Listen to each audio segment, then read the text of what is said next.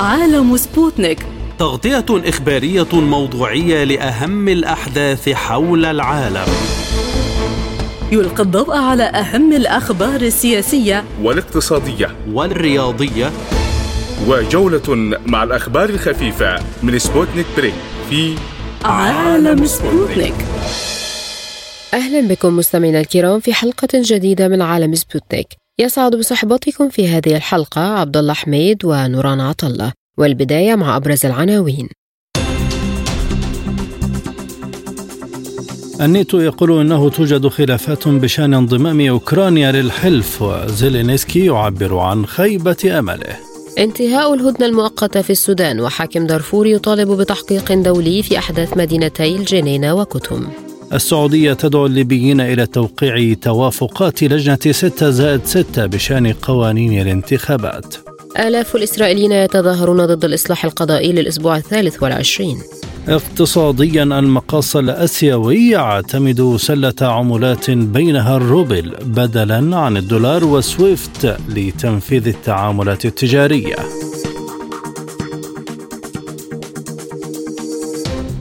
إلى التفاصيل.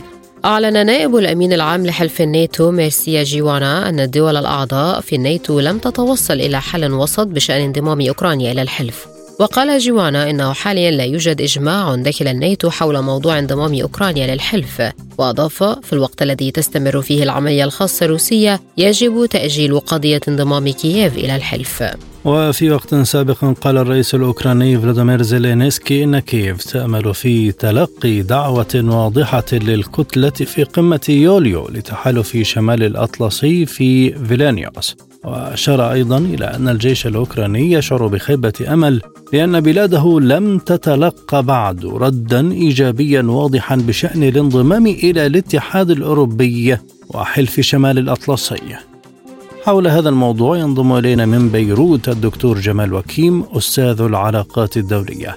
أهلا بك دكتور. بداية هل بدأ الناتو يتراجع عن خطواته التصعيدية بعد التقدم الروسي في عملياته العسكرية الخاصة؟ لا أعتقد أن هنالك تراجعا في خطوات تصعيدية من قبل الناتو تجاه روسيا الآن.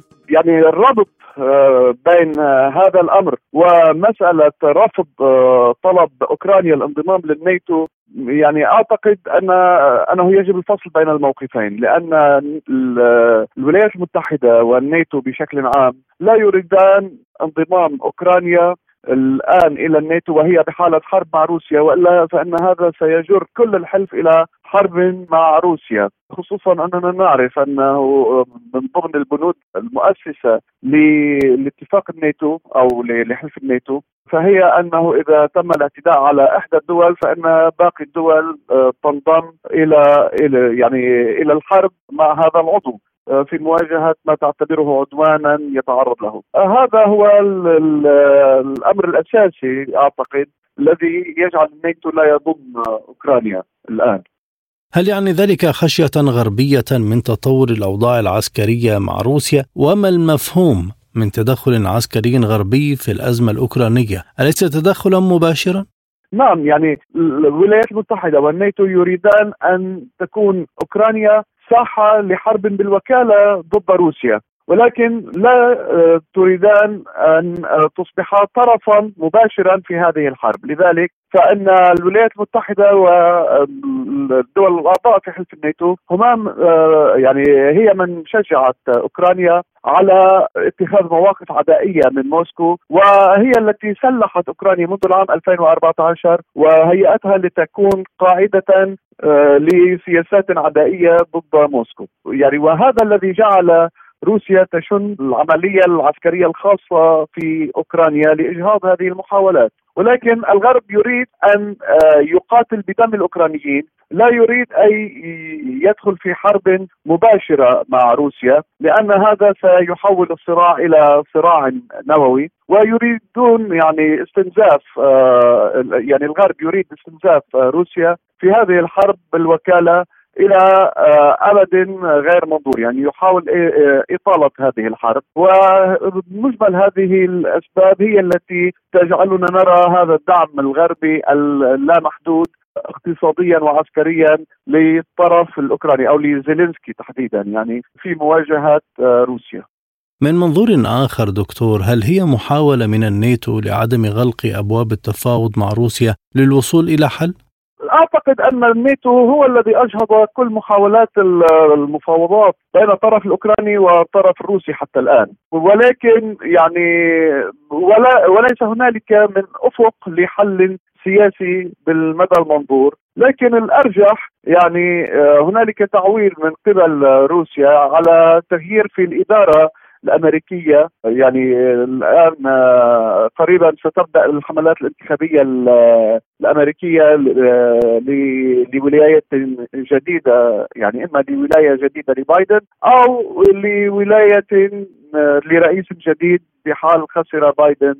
ترشيحه فبالتالي الروس يراهنون على تغيير في الإدارة الأمريكية. يمكن أن يغير المنظار آه، أو الدعم الغربي لأوكرانيا. وبنفس الوقت هم آه، يعملون على تحقيق نصر في أوكرانيا. ولكن لا أعتقد أن هنالك في المدى المنظور الآن آه، أفق لحل سياسي عبر التفاوض. هل كان زيلينسكي يتوقع الترحيب به بسهولة كعضو في الاتحاد الأوروبي أو حلف الناتو؟ يعني أعتقد ان أنه كان يعول على ذلك خصوصا أنه يعتبر أنه قدم خدمات جليلة للولايات المتحدة والغرب يعني بتحويل أوكرانيا إلى ساحة حرب ضد روسيا وبجر روسيا إلى حرب طويلة الأمد في أوكرانيا، لذلك كان يعتقد أن المكافأة ستكون بانضمام أوكرانيا إلى حلف الناتو، ولكن كما قلت فإن حلف الناتو ليس مهتما بضم آه، إحدى الدول التي هي منخرطة بصراع مسلح مع قوة كبرى لصفوفه وإلا فإن هذا سيدخله مباشرة في الصراع. إذا دكتور أي شكل ستصل له الأوضاع على المدى القصير مع معطيات متباعدة في الآراء والتصورات بين الأطراف؟ يعني أنا بتقديري أن العملية العسكرية الروسية مستمرة في أوكرانيا ورفض التفاوض من قبل الطرف الأوكراني بدعم من الغرب سيؤدي إلى مزيد من الأعمال العسكرية وبتقديري أن الهدف الاستراتيجي الروسي هو تحرير كامل المناطق الناطقة بالروسية في شرق أوكرانيا وصولا إلى نهر النيل. وهذا سيجعلنا ننتظر مزيدا من المعارك في العام المقبل. دوت انفجارات قوية جنوب أم درمان في العاصمة السودانية الخرطوم وذلك بعد أقل من ساعة من انتهاء الهدنة بين الجيش وقوات الدعم السريع التي تم التوصل إليها اليوم واحد فقط برعاية أمريكية سعودية. إذ انتهت في السادسة من صباح يوم الأحد حيث ساد هدوء حذر العاصمة الخرطوم في وقت تشهد فيه جيبوتي قمة لبحث الأزمة. من جانبه اعتبر حاكم إقليم دارفور في السودان أن ما يجري في مدينتي الجنينة وكتم لا يمكن أن يمر دون تحقيق دولي. وكان حاكم إقليم دارفور أعلن الأحد الماضي إقليم دارفور منطقة منكوبة مع استمرار أعمال النهب والقتل فيما نفى الجيش السوداني في اليوم نفسه سيطرة قوات الدعم السريع على مدينة كتم وحذر المدير الإقليمي للمفوضية السامية للأمم المتحدة لشؤون اللاجئين بإقليم دارفور توبي هارورد مما قال إنه تدهور سريع للأوضاع في مدينة الجنينة وسط غياب لسلطة الدولة والقانون. من القاهرة ينضم إلينا الكاتب الصحفي السوداني الأستاذ عثمان مرغني. أهلا بك سيد الكريم. هل يمكن تمديد الهدنة وتحقيق الالتزام للشروع في مفاوضات جادة؟ تمديد الهدنة وارد كان بعد النجاح الكبير للهدنة التي استمرت مدة 24 ساعة لكن بالضرورة مجرد التجديد قد لا يكون كافيا لتج... ل... لإحداث تقدم في المفاوضات بين الطرفين. فيبدو أن الوساطة الآن تبحث في سبل إصدار هدنة جديدة لمدة طويلة أكثر أو ربما وقف اطلاق النار لكن بعد تحسين آليات مراقبة الهدنة حتى يمكن التأكد من إيفاء الأطراف بالالتزامات بمنع إطلاق النيران خلال فترة الهدنة والسماح بمرور المساعدات الإنسانية. أتوقع أن تعلن الوساطه الآن هدنة جديدة أو بدء مفاوضات لهدنة جديدة خاصة أن المفاوضات حتى الآن آه، ظلت معلقة آه، في انتظار أن يكون هناك تطور نوعي وهو الذي حدث أمس بالتزام الأطراف بالهدنة السابقة. ولماذا لم يتم استغلال التزام الطرفين بهدنة اليوم الواحد وجرى الشروع سريعا في التفاوض؟ أعتقد أن ذلك له أسباب فنية لأن عملية التفاوض توقفت فترة طويلة كانت الأولى بسبب تعليق الجيش من جانبه للتفاوض ثم بعد ذلك تعليق الوساطة ويبدو أن المفاوضات كانت في طريقها إلى الانهيار الكامل. الآن الهدنة الأولى التي استمرت لمدة 24 ساعة هي كانت اختبار فقط وليس هدنة بالمعنى الحقيقي، اختبار لعزم وإرادة الطرفين في الالتزام بما يتفقا عليه. وقد نجحا في ذلك فذلك فهذا يعني أنه بالإمكان استمرار المفاوضات وليس استمرار الهدنة لأن استمرار الهدنة ربما يعرضها هذه المرة لمخاطر الانهيار أو مخاطر اللا يفي الأطراف بوقف إطلاق النار بصورة كاملة خاصة أنهما توقفا لمدة 24 ساعة لكنهما بدأا مرة أخرى الهجمات المتبادلة بعد نصف ساعة فقط من انقضاء الهدنه وهذا يعني أنهما فقط حبسا أنفاسهما آه، في انتظار آه، نهاية هذه الهدنه فلا بد من العودة لقاعة التفاوض مرة أخرى لإمكان الوصول إلى آه، هدنه متفق عليها أو وقف إطلاق النار. هل هناك جانب يستفيد أكثر من الآخر خلال هدنه ال 24 ساعة؟ الجيش يعتقد أن الدعم السريع يستفيد من الهدنة أكثر من الجيش لأن الجيش يحاول أن يستمر في العمليات بصورة متواتيه حتى يستطيع إنهاك الطرف الآخر واستنزافه لأنه يحارب من داخل الأحياء والشوارع ومن داخل بيوت المواطنين ومن داخل بعض المقار العامة فذلك مما يصعب عملية المواجهة المباشرة معه. فيعتمد الجيش استراتيجية النفس الطويل وهو استنزاف قوى الدعم السريع. عن طريق ضرب التجمعات وإنهاك آه، قوات الدعم السريع بإبقائها في أماكن لا تصلح أصلا للوجود العسكري بصورة مستمرة داخل الأحياء فعندما تكون هناك هدنة يعطي ذلك الدعم السريع قدرة على التحرك من مكان لاخر وإحداث نوع من التغيير في الأوضاع خاصة أنه في الفترة الأخيرة استخدم سيارات مدنية وليست عسكرية. ما حقيقة عدم التواصل بين قيادة الدعم السريع وقواتها مما يؤدي إلى خرق الهدنة أو الترتيبات الفنية والعسكرية الأخرى؟ نعم يعني قوات الدعم السريع بتشكيلها العسكري هي أصلا قوات تمارس أقرب إلى حرب العصابات يعني هي ليست قوات نظامية هي تتحرك دائما بصورة سريعة من مكان إلى آخر وربما ذلك الميزة التي يتميز بها عن الجيش الآن في حرب المدن لأن حرب المدن آه، تعطي ميزة لخفه الحركة وعدم الارتكاز بكميات آه، آه، بكثافة في مناطق محددة. فهذا الأمر يجعل دائما القوات غير قابلة للسيطرة الصارمة كما يحدث بالنسبة للجيش، يعني الجيش لا يمارس العمليات إلا عبر تراتبية هيكلية ونظم محددة. بينما هنا مساحة الحركة بالنسبة لقوات الدعم السريع واسعة جدا وقدرة الجنود على الأرض في التحرك دون التعليمات من القيادة العليا تجعل هناك كثير من الفروقات. ما هي أدوات الوسطاء الآن لإنهاء حالة التشابك بين الطرفين والضغط عليهما من أجل التفاوض؟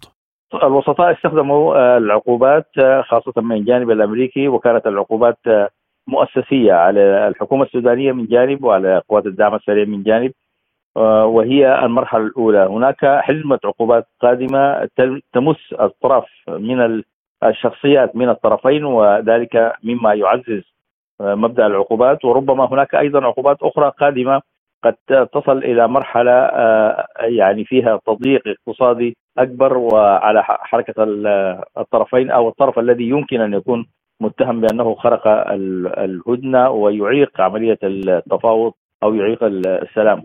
فأعتقد أن الأوراق التي بيد الوساطه الآن الأمريكية والسعودية قوية وأثرت خلال الفترة الماضية ويمكن أن تستخدم بصورة مستمرة للوصول إلى اتفاق سلام. في جانب آخر يعني حاكم دارفور طالب بتحقيق دولي في أحداث مدينتي الجنينة وكتم، كيف يمكن المطالبة بتحقيق دولي وسط هذه الحرب؟ مدينة كتم وهي مدينة سودانية كبيرة ومعروفة وتاريخية جرت فيها خلال الأيام الماضية. آه، خروقات هائلة جدا للأوضاع الإنسانية وحقوق الإنسان من جانب قوات الدعم السريع وعانى منها فيها المواطنون من محرقة ومجزرة حقيقية وحصار آه، صارم جدا. وهذا مما دعا آه، حاكم دارفور للمطالبه اولا طالب بالتدخل الإنساني في كتب ثم بعد ذلك طالب بالمحاسبة الدولية. وهذه ربما ليست المرة الأولى يعني في الحرب دارفور الماضية. بعض الهجمات التي شنت على بعض المناطق في دارفور أحيلت إلى المحكمة الجنائية الدولية وألقي القبض على بعض قيادات القوات الحركات المسلحة وأحيلوا إلى المحكمة في لاهاي. ومنهم بعد ذلك من أصبح وزيرا للصحة بعد عودته من المحكمة. فإذا هي ليست المرة الأولى هناك سوابق. لكن الآن في ظروف الحرب قد يكون صعب جدا أن يكون هناك آه، تحقيق دولي في هذه الخروقات وربما توضع كل الأحداث العسكرية التي حدثت في الخرطوم ودارفور خلال الفترة الماضية تحت مجهر المحكمة الجنائية الدولية آه، كما تهدد بذلك بعض المنظمات حال استمرار هذه الخروقات. دعت السعودية كافة الأطراف في ليبيا إلى التوقيع رسميا على قوانين الانتخابات البرلمانية والرئاسية التي توافق عليها أعضاء لجنة 6 زائد 6 المشكلة من مجلسي النواب والأعلى للدولة. وعبرت وزارة الخارجية السعودية في بيان عن أملها في توقيع الأطراف الليبية بشكل رسمي على القوانين الانتخابية كخطوة مهمة نحو إنهاء الأزمة وتعزيز الأمن والاستقرار فيها وحرصها على أن تكون ليبيا دولة فاعلة ومؤثرة في محيطها العربي والإقليمي والدولي. كانت لجنة 6 زائد 6 أصدرت إعلانا بشأن التوافق على قوانين الانتخابات في ختام اجتماعاتها على مدى يومي السادس والسابع من يونيو في مدينة بوزنيغا بالمغرب. وقالت اللجنة التابعة لمجلسي النواب والدولة الليبيين إن القوانين الانتخابية التي أقرتها مؤخرا نهائية ونافذة وستجري عبرها الانتخابات المقبلة بينما أعلن 54 عضوا بمجلس الدولة و61 آخرون بمجلس النواب وحزب العدالة والبناء في بيانات منفصلة رفضهم لتلك المخرجات. لمزيد من التفاصيل ينضم إلينا من طرابلس دكتور محمد العباني عضو مجلس النواب الليبي. بعد تحية يعني هل للسعودية النفوذ المطلوب في ليبيا ليجعلها تؤثر على الأطراف الليبية لتوقيع وتنفيذ الاتفاق؟ في البداية أقول بأن السعودية تعتبر من الدول آه، الكبيرة في المنطقة العربية آه، وبما لديها من أموال ومن أتباع ومن تدخل السياسات يجعلها يجعل بإمكانها أن تفعل شيئا. فهي تعتبر من من من الدول الاربع الكبيرة في المنطقة العربية التي آه، لها نفوذ ولها أتباع آه، ولها مصالح أيضا آه، في المنطقة. بالتالي في سياستها الخارجية نلاحظ أنها تعمل على التأثير في السياسات سواء في الدول المحيطة بها أو في الدول العربية أو في النطاق النطاق نطاق النشاط السياسي آه، في منطقة الشرق الأوسط وفي شمال أفريقيا. لا يستغرب من من الدولة آه، السعودية أن تعمل وتسخر إمكانياتها على تحريك خاصة الجماعات المسلحة الذين يرتبطون ارتباطا كبيرا بالوهابية وبما تدعو إليه آه، السعودية من من نشاط ديني يؤثر في اتجاهها ووجهتها السياسية. فلا غرابة أن يكون لها وهذا ليس للتسويق أن يكون لها أتباع في كافة الدول العربية ولا أستثني ليبيا من ذلك. وإن كان حجمها أو حجم تأثيرها ليس بالكبير ولكن يبدو ويظل أن لها آه، كلمة في ليبيا. ما هي أسباب الخلاف الحالي على ما اتفقت عليه مجموعة 6 زائد 6 الخلاف آه، أنا لا أرى خلاف جوهري وإنما خلاف حول المصالح.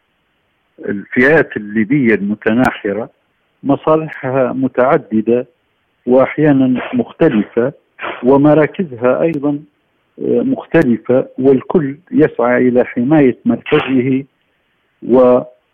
ونفوذه وحماية مصالحه لأن الانتخابات في ليبيا وأنا لا أتوقع ذلك ولكن آه، المأمول أن تحدث تغيير في المواقع وتغيير في المصالح وتغيير آه، في الاتجاهات. وبالتالي الحفاظ على ما هو عليه يجعل هؤلاء المتناحرون آه، يسعون وبكل قوة إلى إلى شكل من أشكال الحفاظ على بقائهم متمسكين بالسلطة ومؤثرين في السياسة. كما كما في وضعهم الحالي. اللجنة تقول إن ما اتفقت عليه ملزم للجميع ويجب إقراره، كيف يكون ملزما للجميع؟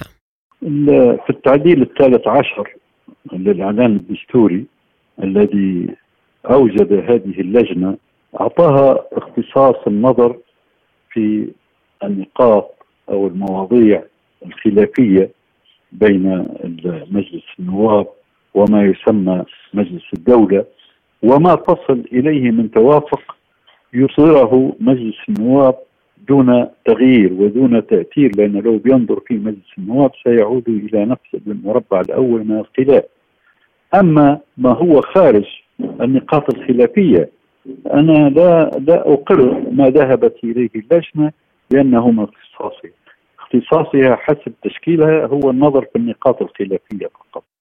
أعلن 54 عضوا بمجلس الدولة و61 آخرون بمجلس النواب وحزب العدالة والبناء في بيانات منفصلة رفضهم لتلك المخرجات كما أن عقيلة صالح وخالد المشري لم يوقعا بالموافقة ماذا يمكن أن يحدث؟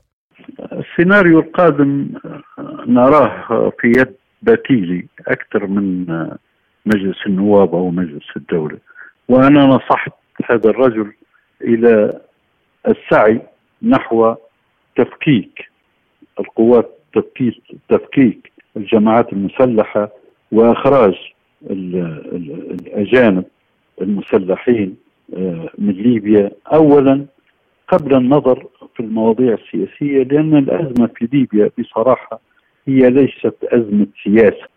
هي أزمة صراع على النفوذ وسلطة مفتكة من قبل الجماعات المسلحة ومن قبل الدول التي لها قوات مسلحة على الأرض الليبية.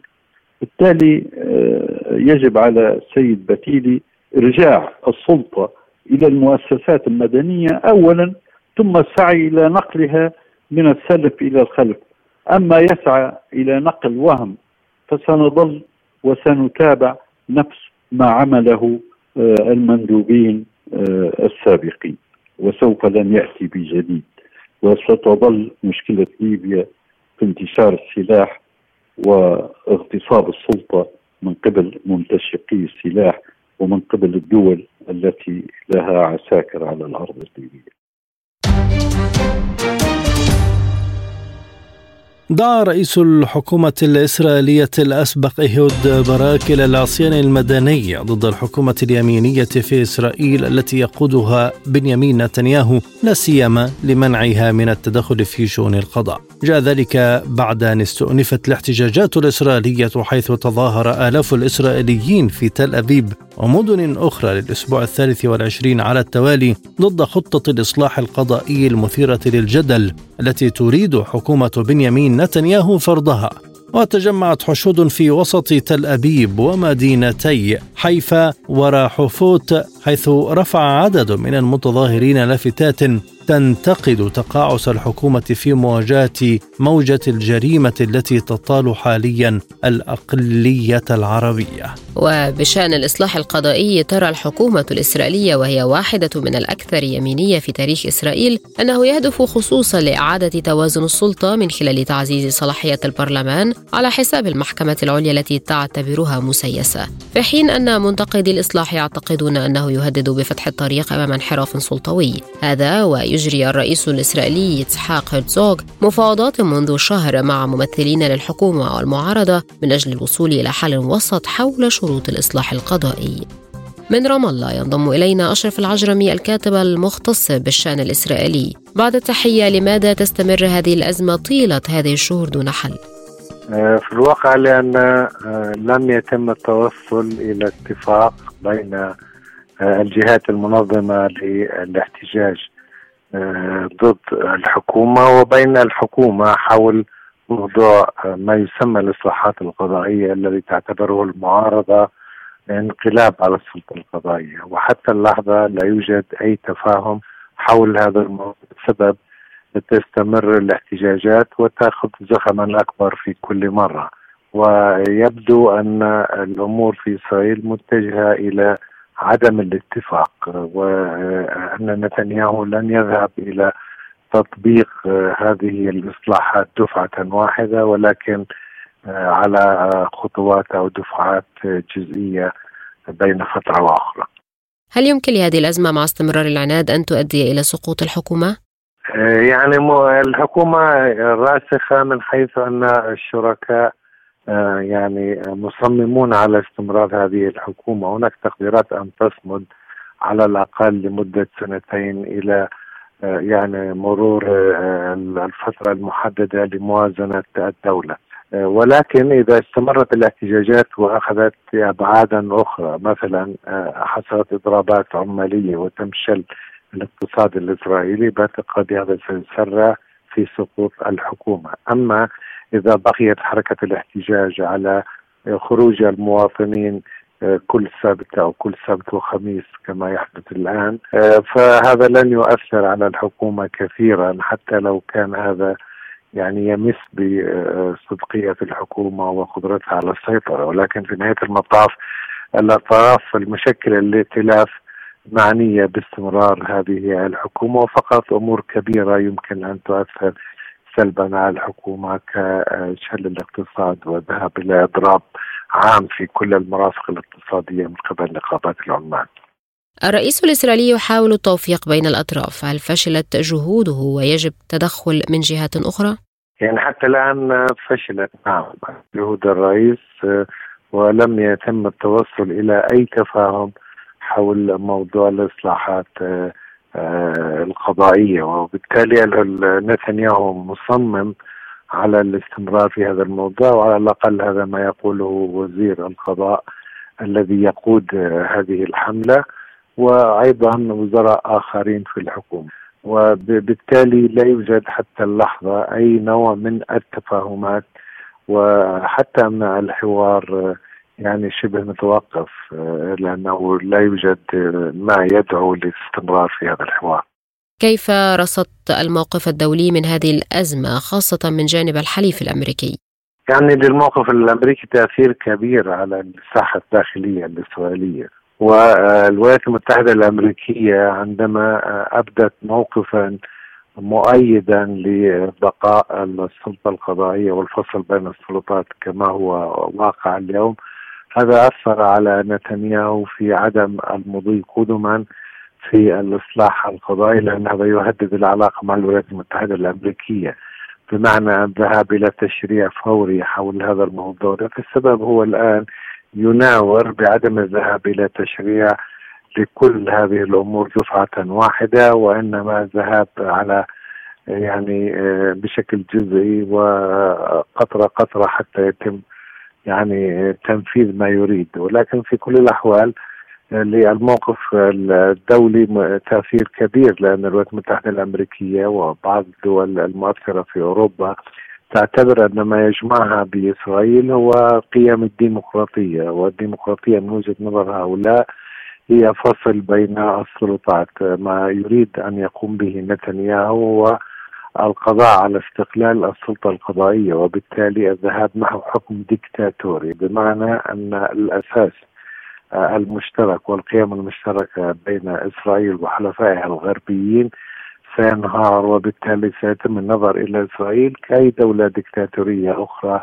وتفقد ميزتها آه، باعتبار كما يقولون أنها واحة الديمقراطية أو الديمقراطية الوحيدة في الشرق الأوسط. طبعا هذا غير دقيق ولكن على الأقل هكذا هم يعتبرونها وبالتالي هي ستفقد آه، هذا الموقع وهذه الميزة أوروبيا تحدثت وسائل إعلام غربية عن خصم هذه الأزمة من رصيد إسرائيل لديها كيف يمكن البناء عليها عربيا؟ يعني الدول العربية والفلسطينيون كمان يعني من المفروض أن يستغلوا هذا الوضع لفضح السياسات الإسرائيلية المناقضة لحقوق الإنسان الخرق الفظ واليومي والمنهجي لحقوق الإنسان الفلسطيني باستمرار الاحتلال وباستمرار الانتهاك و خرق القانون الدولي والقانون الدولي الإنساني. هذه مسألة يجب التركيز عليها لأن الغرب للأسف ينظر إلى إسرائيل كدولة ديمقراطية ولا ينظر إلى إسرائيل كدولة احتلال. الآن هناك فرصة في ظل حكومة يمينية متطرفة لا يحترمها العالم أن يتم فتح ملف الاحتلال الإسرائيلي والانتهاكات الإسرائيلية لحقوق الإنسان. أن إسرائيل ليس فقط تهدد الديمقراطية الداخلية وأن إسرائيل دولة محتلة دولة آه، تخرق القانون الدولي وما يعني قام به العالم آه، آه، ظلما ضد روسيا آه، لا أحد يتحدث عن إسرائيل وكأن إسرائيل معفيه ولديها حصانة دولية من التعرض لأذى حتى الدول الديمقراطية ولو كان هذا بشكل غير عادل. يعني إسرائيل لديها حصانة دولية وهذه ما وهذا ما يجب التركيز عليه عربيا وفلسطينيا خصوصا في ظل وجود حكومة لا تحظى باحترام دولي. أعود إلى تفاصيل الأزمة. هل هي أزمة قضائية تنظيمية فقط أم لها أبعاد سياسية أخرى؟ هي بالأساس أزمة لها أبعاد سياسية، في الواقع الحكومة الإسرائيلية تريد آه، إنهاء دور المحكمة العليا لسببين، السبب الأول يعود إلى آه، فساد بعض مكونات هذه الحكومة ويريدون الحصول على حصانة وعدم تقديمهم للمحاكمة. وعلى رأسهم بنيامين نتنياهو رئيس الحكومة الذي يريد أن يفلت بجلده من محاكمة ومن الخروج من آه، الحلبة السياسية بشكل مهين. والجانب الآخر وهو الأهم من وجهة نظرنا أنه يريدون شل القضاء الإسرائيلي للاستمرار في عملية الضم وتطبيق يعني قواعد آه، السياسة الإسرائيلية الحالية بشطب حل الدولتين وإنهاء حقوق الشعب الفلسطيني بشكل كامل على أرض فلسطين. وهذا هم يرون أن المحكمة العليا التي عمليا هي منحازة للمستوى آه، آه، العسكري والسياسي الإسرائيلي في الإجراءات ولكن يرون بها تقيد آه، القيام بعمليات الضم وتطبيق وتنفيذ السياسة التي تتبناها الحكومة الإسرائيلية والتي والقائم على شطب حقوق الشعب الفلسطيني وشطر فكرة حل الدولتين. وبالتالي عندما يتم شل القضاء من هذا الجانب وتتحكم السلطة التنفيذية بما في ذلك الأغلبية في البرلمان في السياسة الإسرائيلية المتعلقة بالشعب الفلسطيني هم يستطيعون فعل ما يفعل ما يحلو لهم ويطبقوا برنامجهم بدون أي قيود. وبالتالي هذا بعد سياسي مهم جدا في عملية ما يسمونه الإصلاح القضائي أو الانقلاب على السلطة القضائية. أكد اتحاد المقاصة الأسيوي ACU اعتماد عملات اليوان والروبل والروبية واستحداث منصة إلكترونية لتنفيذ التعاملات التجارية بين الدول الأعضاء بمعزل عن الدولار ونظام سويفت. وأشار الأمين العام لاتحاد المقاصة الأسيوي فرهاد مرسلي إلى أن اجتماع اتحاد المقاصة الأسيوي في طهران مؤخرا تبنى 12 قرارا إذ أكد مسؤول البنكين المركزيين الهندي والباكستاني أن هذه القرارات تصب لصالح إيران وتجار البلاد قياسا ببقية الأعضاء. وبين مرسلي أن من أهم القرارات المتخذة هو التبادل بين التجار الإيرانيين وبقية تجار الدول الأعضاء عبر عملة روبية بحيث بإمكان تجار إيران فتح حسابات بالروبية في بنوك محددة. علما أن القرار سيدخل حيز التنفيذ الشهر المقبل. وأضاف أن التجار الإيرانيين سيتمكنون من الحصول على تمويل بعملات الروبية واليوان والروبل إلى جانب العملات الوطنية الأخرى للدول الأعضاء والخلاص من حظر الدولار ومنصة سويفت.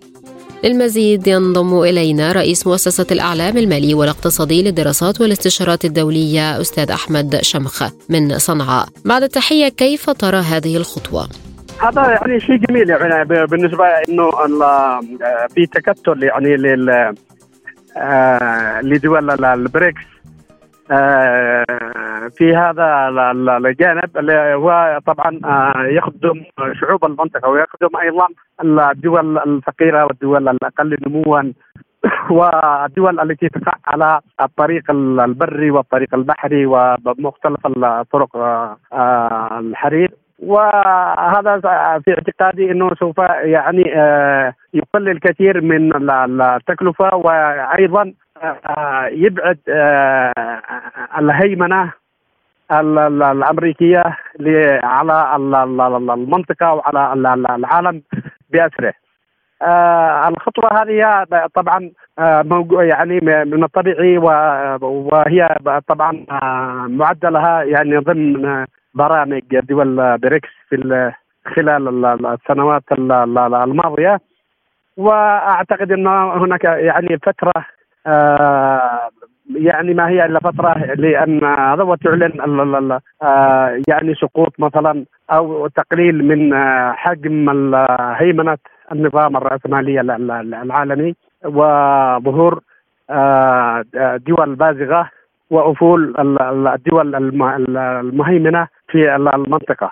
كيف يؤثر ذلك على العمليات التجارية العالمية؟ هو طبعا في سلة عملات يعني طبعا مؤخرا هو دخلت فيها دول كثيرة في منطقة المنطقة العربية وما يسمى بمنطقة الشرق الأوسط. وبالتأكيد أنه بيكون لصالح اقتصادات هذه الدول في المنطقة لأنها سوف تعمل وفقا لآلية جديدة لهذه البلدان. وإبعاد يعني قضية هيمنة الدولار في هذا في اقتصادات هذه الدول وهي تعمل يعني لأن تكون في بوتقة واحدة وفقا يعني بنك آسيا. ما هو ثقل وأهمية نظام المقاصة الآسيوي في الاقتصاد العالمي؟ طبعا نظام المقاصة العالمي أنا في اعتقادي إنه هو تبادل يعني في الجوانب المالي وفي الجانب النقدي وانتقال الاموال آه وأيضا واختفاء يعني ما يسمى بالسويفت. آه يعني آه تدريجيا. وظهور أيضا سويفت آخر تدعمه هذه البلدان مثل روسيا والصين الهند ايران دول المنطقة. وهكذا يعني. هل يمكن أن تمثل العقوبات الأمريكية حائلا أم أنها بلا جدوى؟ بالتأكيد إنها هي مؤثرة لكن هذا التأثير لن يكون كما كان في سابق عهده. الآن التأثيرات يعني تراجعت إلى ما نسبته يعني أكثر من من من نصف أو ما ربما تتجاوز ال 60% في هذا الجانب في الجانب الاقتصادي في الجانب المالي الاقتصاد ما هو الاقتصاد؟ الاقتصاد هو إنتاج وأرقام آه الاقتصادات حق الدول هذه الدول مثلا دول شرق اسيا مثل دول مثلا زي الصين زي الهند آه وأيضا مثل روسيا بتعمل الان آه يعني عملت على اضعاف الاقتصادات دول الاتحاد الاوروبي وأيضا الولايات المتحده الامريكيه ويعني بقى يعني على اثر هذا العقوبات يعني من تصدير يعني مختلف الخامات المهمة التي تدخل في مختلف الصناعات في المنتجات الدول الغربية والدول الأوروبية والأمريكية ومنها ارتفع يعني يعني الآن يعاني من هذه الاقتصادات من ركود وتضخم ارتفاعت نسبة التضخم في دول الاتحاد الأوروبي والولايات المتحدة في هذا الجانب. هل تتوقع أن المقص الأسيوي وبعض الدول تستطيع اعتماد عملات محلية تكون بديلا عن الدولار؟ أنا في اعتقادي أنه الآن الصين هي بتدعم هذه الدول يعني يكون اليوان الصيني هو السائد في المنطقة وأيضا الروبل الروسي فطبعا نتيجة الإجراءات هذه سوف تتقوى اقتصادات الدول الفقيرة والدول ربما الدول الأفقر أيضا أشد أفقر يعني أشد فقرا و يعني سيكون لها يعني سوف يتحسن الاقتصادات خلال السنوات القادمة. فاصل قصير نذهب بعده إلى جولة إخبارية حول العالم. عالم سبوتنيك يغطي جميع الأحداث السياسية والاقتصادية والرياضية حول العالم على مدار ساعة تتابعون عالم سبوتنيك مع أهم خبراء التحليل السياسي والاقتصادي. نقترب معكم في متابعة دقيقة من القضايا السياسية والاقتصادية، كما نستعرض أهم الأخبار الرياضية والفنية والبيئية. انتظروا عالم سبوتنيك أيام الجمعة والسبت والأحد من كل أسبوع. ملفات ساخنة برنامج يسلط الضوء على أهم القضايا الحرجة في العالم. في ملفات ساخنة نستعرض القضايا مع جميع الأطراف ومن كل الزوايا لاستجلاء الحقيقة. ملفات ساخنة يستضيف أهم الخبراء وأجرأ الضيوف. تابعوا ملفات ساخنة مع راديو سبوتنيك أيام السبت والثلاثاء والخميس من كل أسبوع. الآن إلى جولة من الأخبار. دمرت مدفعية مجموعة القوات الجنوبية الروسية عدة نقاط ميدانية للقوات المسلحة الأوكرانية بضربات دقيقة في اتجاه دونيتسك وحصلت وكالة سبوتنيك على فيديو من موقع الحادث تظهر لقطات كيف دمرت المدفعية الروسية الثكنات الأوكرانية. وبتوجيه من مشغل كتيبة الطائرات دون طيار سبارتا استطاعت مدفعية مجموعة القوات الجنوبية من تدمير الثكنات الأوكرانية في اتجاه دونيتسك. نشرت وزارة الدفاع الروسية لقطات تظهر تدمير معدات عسكرية أوكرانية بواسطة مسيرات هجومية وبحسب وزارة الدفاع. اكتشف مشغلو الطائرات دون طيار حركة من المركبات العسكرية الثقيلة والعربات المدرعة التابعة للقوات المسلحة الأوكرانية. وأفادت الوزارة أن المسيرات الهجومية التابعة للقوات الجوية الروسية هاجمت المركبات العسكرية للقوات المسلحة الأوكرانية. ونتيجة الهجوم تم تدمير جميع المركبات العسكرية. أعلنت وزارة الخارجية الكندية أن الحكومة أمرت بمصادرة طائرة النقل الروسية من طراز N124 روسلان التي تحتجزها أوتاوا. وجاء في بيان صحفي أصدرته الخارجية الكندية أن الحكومة أمرت بمصادرة طائرة النقل الروسية الموجودة في مطار تورنتو وبعد مصادرة الأصل ستتصرف حكومة كندا فيه وفقا للقانون الفيدرالي. اعتقل الجيش الإسرائيلي تسعة فلسطينيين في أنحاء متفرقة من الضفة الغربية المحتلة بحسب مصادر فلسطينية. وقالت المصادر إن قوة عسكرية إسرائيلية داهمت بلدة يعبد شمال الضفة الغربية واعتقلت ثلاثة فلسطينيين. كما اعتقل الجيش الإسرائيلي ستة فلسطينيين خلال اقتحام بلدات نعلين وصفا وحسان وفق ذات المصادر. وقال الجيش الإسرائيلي في بيان إنه ضبط مسدسين خلال عملياته في الضفة الغربية. قالت وزارة الخارجية الصينية إن مساعد وزير الخارجية الصيني استدعى سفير كوريا الجنوبية لإبلاغه بشكوى حول انتقادات وجهتها سيول لتعليقات أدلى بها سفير بكين لدى كوريا الجنوبية مؤخرا.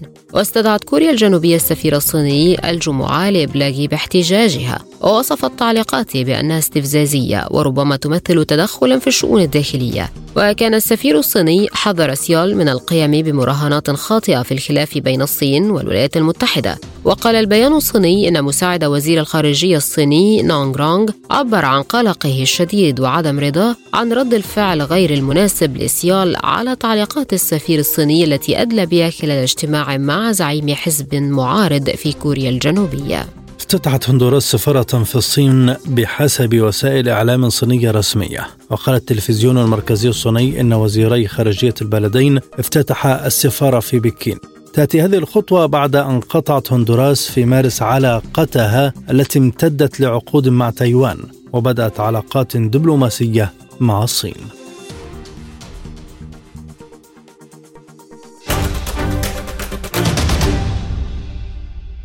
الآن إليكم تذكرة بأهم العناوين. الناتو يقول إنه توجد خلافات بشأن انضمام أوكرانيا للحلف وزيلينسكي يعبر عن خيبة أمله. انتهاء الهدنة المؤقتة في السودان وحاكم دارفور يطالب بتحقيق دولي في أحداث مدينتي الجنين وكتم السعودية تدعو الليبيين إلى توقيع توافقات لجنة 6 زائد 6 بشأن قوانين الانتخابات. آلاف الإسرائيليين يتظاهرون ضد الإصلاح القضائي للأسبوع الثالث والعشرين اقتصاديا المقاصة الآسيوي يعتمد سلة عملات بينها الروبل بدلا عن الدولار وسويفت لتنفيذ التعاملات التجارية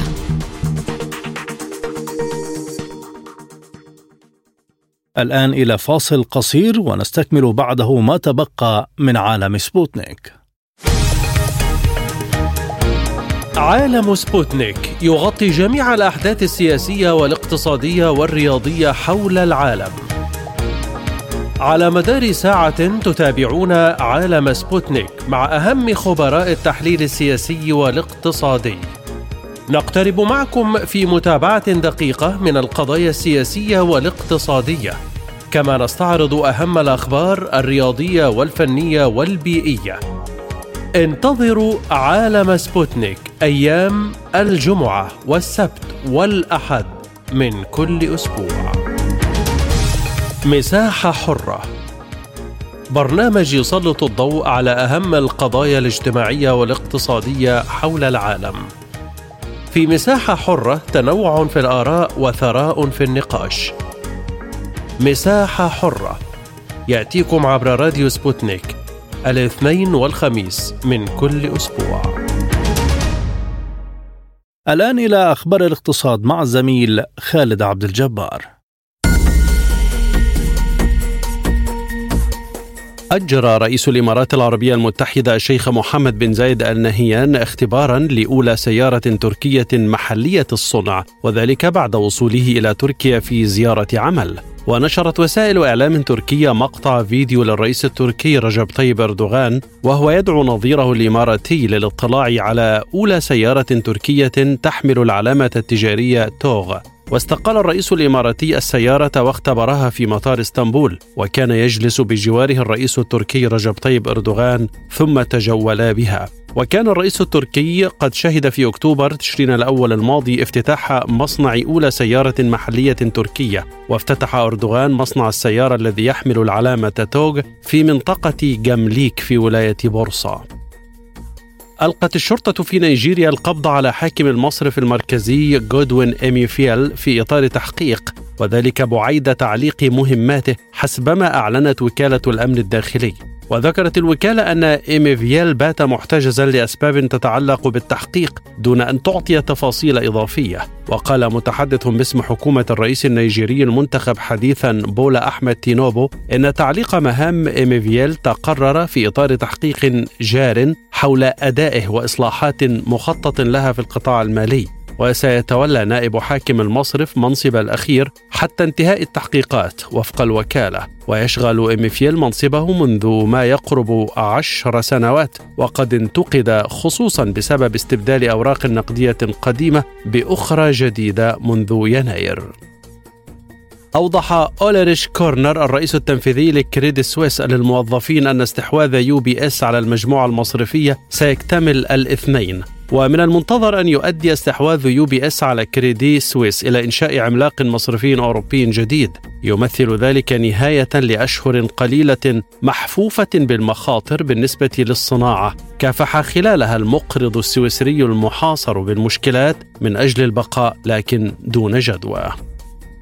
تعتزم مصر زيادة صادراتها البترولية 15% خلال العام الجاري لتصل إلى نحو 21 مليار دولار على أن تزيد بنفس النسبة في 2024 إلى حوالي 24 مليار دولار بحسب وثيقة حكومية. وقد ساهم اكتشاف حقل الظهر في 2015 في فتح شهية المستثمرين للعمل في قطاع الغاز المصري وزيادة عدد الآبار المكتشفة مما أدى لتوقف مصر تماما عن استيراد الغاز بنهاية سبتمبر 2019 والتحول لمصدر له حيث تعمل مصر للتحول إلى مركز رئيسي للطاقة في المنطقة من خلال تسييل الغاز وإعادة تصديره.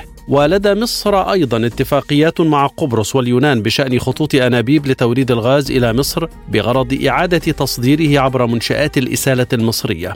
وكشفت الوثيقة أن الحكومة تسعى لتحقيق فائض سنوي في الميزان البترولي بما يصل إلى ثلاثة مليارات دولار ويبلغ إجمالي الناتج الحالي للبلاد من الغاز الطبيعي ما بين 6.5 إلى 7 مليارات قدم مكعب من الغاز الطبيعي يومياً.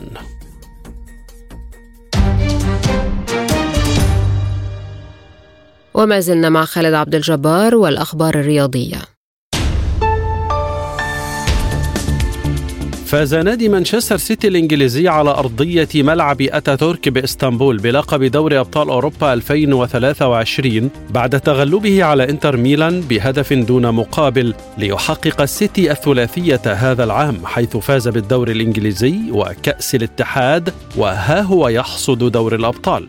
وهذه هي المرة الأولى التي يفوز بها مانشستر سيتي بهذا اللقب المرموق.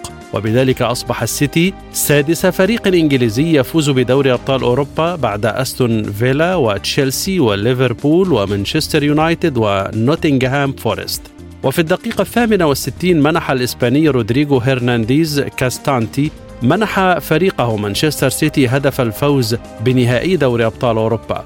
وقال بيب غوارديولا المدير الفني للسيتي إنه يشعر بالتعب والهدوء والرضا مضيفا أنه من الصعب جدا أن تتوج بهذه الكأس. هذا اللقب يساوي خمس بطولات من الدوري الإنجليزي الممتاز. واعترف المدرب الإسباني بأفضلية الإنتر خلال الشوط الثاني من المباراة وإمكانية تسجيله للأهداف أكثر من كرة. وختم بيب غوارديولا حديثه هذه المسابقة مثل العملية المعدنية. كتبت على النجوم على ما أعتقد وهذا الموسم اللقب كان مكتوبا لنا في السماء يجب أن تكون محظوظا في دور الأبطال. أكد الألماني إلكاي غوندوغان لاعب مانشستر سيتي الإنجليزي أنه لم يتخذ قرارا بشأن مستقبله مع الفريق حتى الآن مشيرا إلى أن فريقه صنع التاريخ عقب التتويج بدوري أبطال أوروبا. وقال غوندوغان في تصريحات عقب المباراة النهائية إنه نهائي دوري أبطال أوروبا. كان من الواضح أنه سيكون صعبا لكلا الفريقين. واعترف غوندوغوان أن فريقه لم يكن في أفضل حالاته لكن ربما كانت مباراة بنسبة 50-50 واليوم فقط هدف واحد صنع الفارق. وبشأن التقارير التي أشارت إلى انتقال الدولي الألماني إلى برشلونة الموسم القادم قال غوندوغان إنه لم يتخذ قرارا نهائيا بشأن مستقبله حتى الآن. استقر تشافي هرنانديز مدرب برشلونة على الإطاحة بالثلاثي أنسو فاتي وفيران توريس وفرانك كيسي لاعبي الفريق لعدم حاجته إليهم في الموسم الجديد. ومن المقرر أن يبلغ ماتيو أليماني المدير الرياضي لبرشلونة اللاعبين الثلاثة بالقرار خلال الساعات القليلة المقبلة. اتهم الأرجنتيني سيرجيو أغويرو مهاجم برشلونة السابق ناديه بأنه لم يفعل كل ما بوسعه لإعادة مواطنه ليونيل ميسي إلى الفريق خلال فترة الانتقالات الصيفية المقبلة. وقال أغويرو برشلونة لم يفعل ما يكفي لعودة ميسي. واللاعب اتخذ القرار الصحيح بالانتقال إلى إنتر ميامي الأمريكي بدلا من الانتظار حتى الثانية الأخيرة كما حدث في 2021 توجت البولندية إيغا شفيونيتك بلقب بطولة فرنسا المفتوحة للتنس ثانية البطولات الأربع الكبرى التي تقام على ملاعب رولان جاروس الرملية ويبلغ مجموع جوائزها 49 مليون و600 ألف يورو. وجاء تتويج النجمة إيغا شفيونتك المصنفة الأولى عالميا على حساب اللاعبة التشيكية كارولاينا موخوفا المصنفة الثالثة والأربعين عالميا إثر فوزها عليها بصعوبة بمجموعتين مقابل مجموعة واحدة. تفاصيلها كالتالي 6 2 و5 7 و6 4 في المباراة النهائية التي جمعتهما واستغرقت ساعتين و46 دقيقة.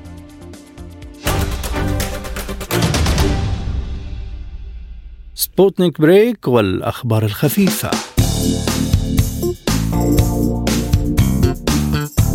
ذكر موقع بلاتفورمر الإخباري أن شركة تويتر رفضت دفع فواتير خدمة جوجل للحوسبة السحابية لأن عقدها على وشك التجديد هذا الشهر. الأمر الذي قد يقوض الثقة والأمان في شركة التواصل الاجتماعي. وقال التقرير أنه قبل استحواذ إيلون ماسك على منصة التواصل الاجتماعي العام الماضي وقع تويتر عقدا لعدة أعوام مع جوجل يتعلق بمكافحة البريد العشوائي وحماية الحسابات من بين أمور أخرى.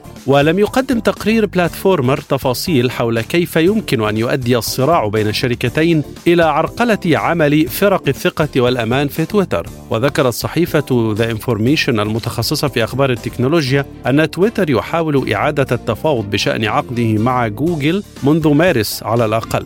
وفي مارس ذكرت الصحيفة نفسها أن أمازون حذرت تويتر من أنها ستعلق مدفوعات الإعلانات بسبب فواتير الشركة المستحقة لخدمات أمازون ويب لخدمات الحوسبة السحابية. أجابت دراسة جديدة عن سبب عدم قدرتنا على مقاومة الأطعمة الغنية بالدهون والسكر مثل رقائق البطاطس والشوكولاتة واكتشف الباحثون في معهد ماكس بلانك لأبحاث التمثيل الغذائي في كولونيا وجامعة ييل أن تناول الأطعمة الغنية بالدهون والسكر يمكن أن يغير أدمغتنا بالفعل وتوصل الفريق إلى أن الاستهلاك المنتظم حتى بكميات صغيرة يدرب الدماغ على اشتهاء هذه الأطعمة في المستقبل. ولاختبار هذه الفرضية قام الباحثون بإعطاء مجموعة من المتطوعين حلوى صغيرة تحتوي على الكثير من الدهون والسكر يوميا لمدة ثمانية أسابيع بالإضافة إلى نظامهم الغذائي العادي. تلقت المجموعة الأخرى حلوى تحتوي على نفس العدد من السعرات الحرارية لكن تحتوي على دهون أقل. تم قياس نشاط دماغ المتطوعين قبل وأثناء الأسابيع الثمانية. اكتشف الباحثون أن دماغنا يتعلم دون وعي تفضيل الوجبات الخفيفة الغنية بالدهون حيث زادت استجابة الدماغ للأطعمة الغنية بالدهون والسكر بشكل كبير في المجموعة التي تناولت الحلوى عالية السكر والدهون بعد ثمانية أسابيع. قادت الصدفة عائلة محظوظة إلى العثور على كنز مخبأ داخل قبو منزلهم الذي شيد في أوائل القرن العشرين. وبحسب قناة KTLA عثرت العائلة في مدينة لوس أنجلوس الأمريكية على عملات نحاس تتجاوز قيمتها مليون دولار. وكان سمسار العقارات جون رييس يساعد زوجته في تنظيف منزل والدها الراحل فريتز في منطقة إنلاند إمباير عندما عثرا على مليون بنس نحاسي تتجاوز قيمتها أكثر من مليون دولار في مكان ضيق بالقبو. والمنزل يعود لفريتز وشقيقه وهما مهاجران من ألمانيا. سكن في هذا المنزل لعقود زمنية حتى توفي فريتز وانتقل أخوه للعيش في مكان آخر. أفادت مصادر قريبة من أول باليرينا مصرية والرئيس الأسبق لدار الأوبرا المصرية ماجدة صالح برحيلها اليوم الأحد. ونشر حساب الدكتورة ماجدة صالح على موقع فيسبوك خبرا كتبه أحد أقاربها ينعى الراحلة وسط عزاء الأصدقاء والمعارف والمحبين لفنها. ومجدة صالح هي أولى راقصة بالي مصرية التحقت بأولى دفعات المعهد العالي للبالي الذي تأسس ضمن معاهد أكاديمية الفنون في مصر عام 1958 وحصلت مع أربع زميلات لها على منحة دراسية من أكاديمية البولشوي في موسكو عام 1963 وبعد عودتهن إلى مصر قدمنا عام 66 بحضور الرئيس الراحل جمال عبد الناصر أول عرض بالي في تاريخ مصر بعنوان نافورة بختشي سراي. للمؤلف الروسي بوريس أسافييف نالت بعده وسام الاستحقاق. وقد رقصت ماجدة على خشبة مسرح البولشوي وعلى خشبة مسرح قصر المؤتمرات في الكرملين وغيرها من مسارح الاتحاد السوفيتي في جولة فنية قامت بها في سبعينيات القرن الماضي.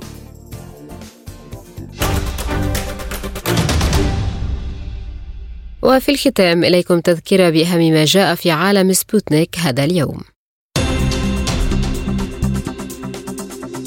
الناتو يقول إنه توجد خلافات بشأن انضمام أوكرانيا للحلف وزيلينسكي يعبر عن خيبة أمله. انتهاء الهدنة المؤقتة في السودان وحاكم دارفور يطالب بتحقيق دولي في أحداث مدينتي الجنينة وكتم. السعودية تدعو الليبيين إلى توقيع توافقات لجنة 6 زائد 6 بشأن قوانين الانتخابات آلاف الإسرائيليين يتظاهرون ضد الإصلاح القضائي للأسبوع الثالث والعشرين اقتصاديا المقاص الأسيوي يعتمد سلة عملات بينها الروبل بدلا عن الدولار وسويفت لتنفيذ التعاملات التجارية. ورياضيا مانشستر سيتي يفوز في نهائي دوري أبطال أوروبا لكرة القدم على إنتر ميلان 1-0 ليحقق الثلاثيه هذا العام.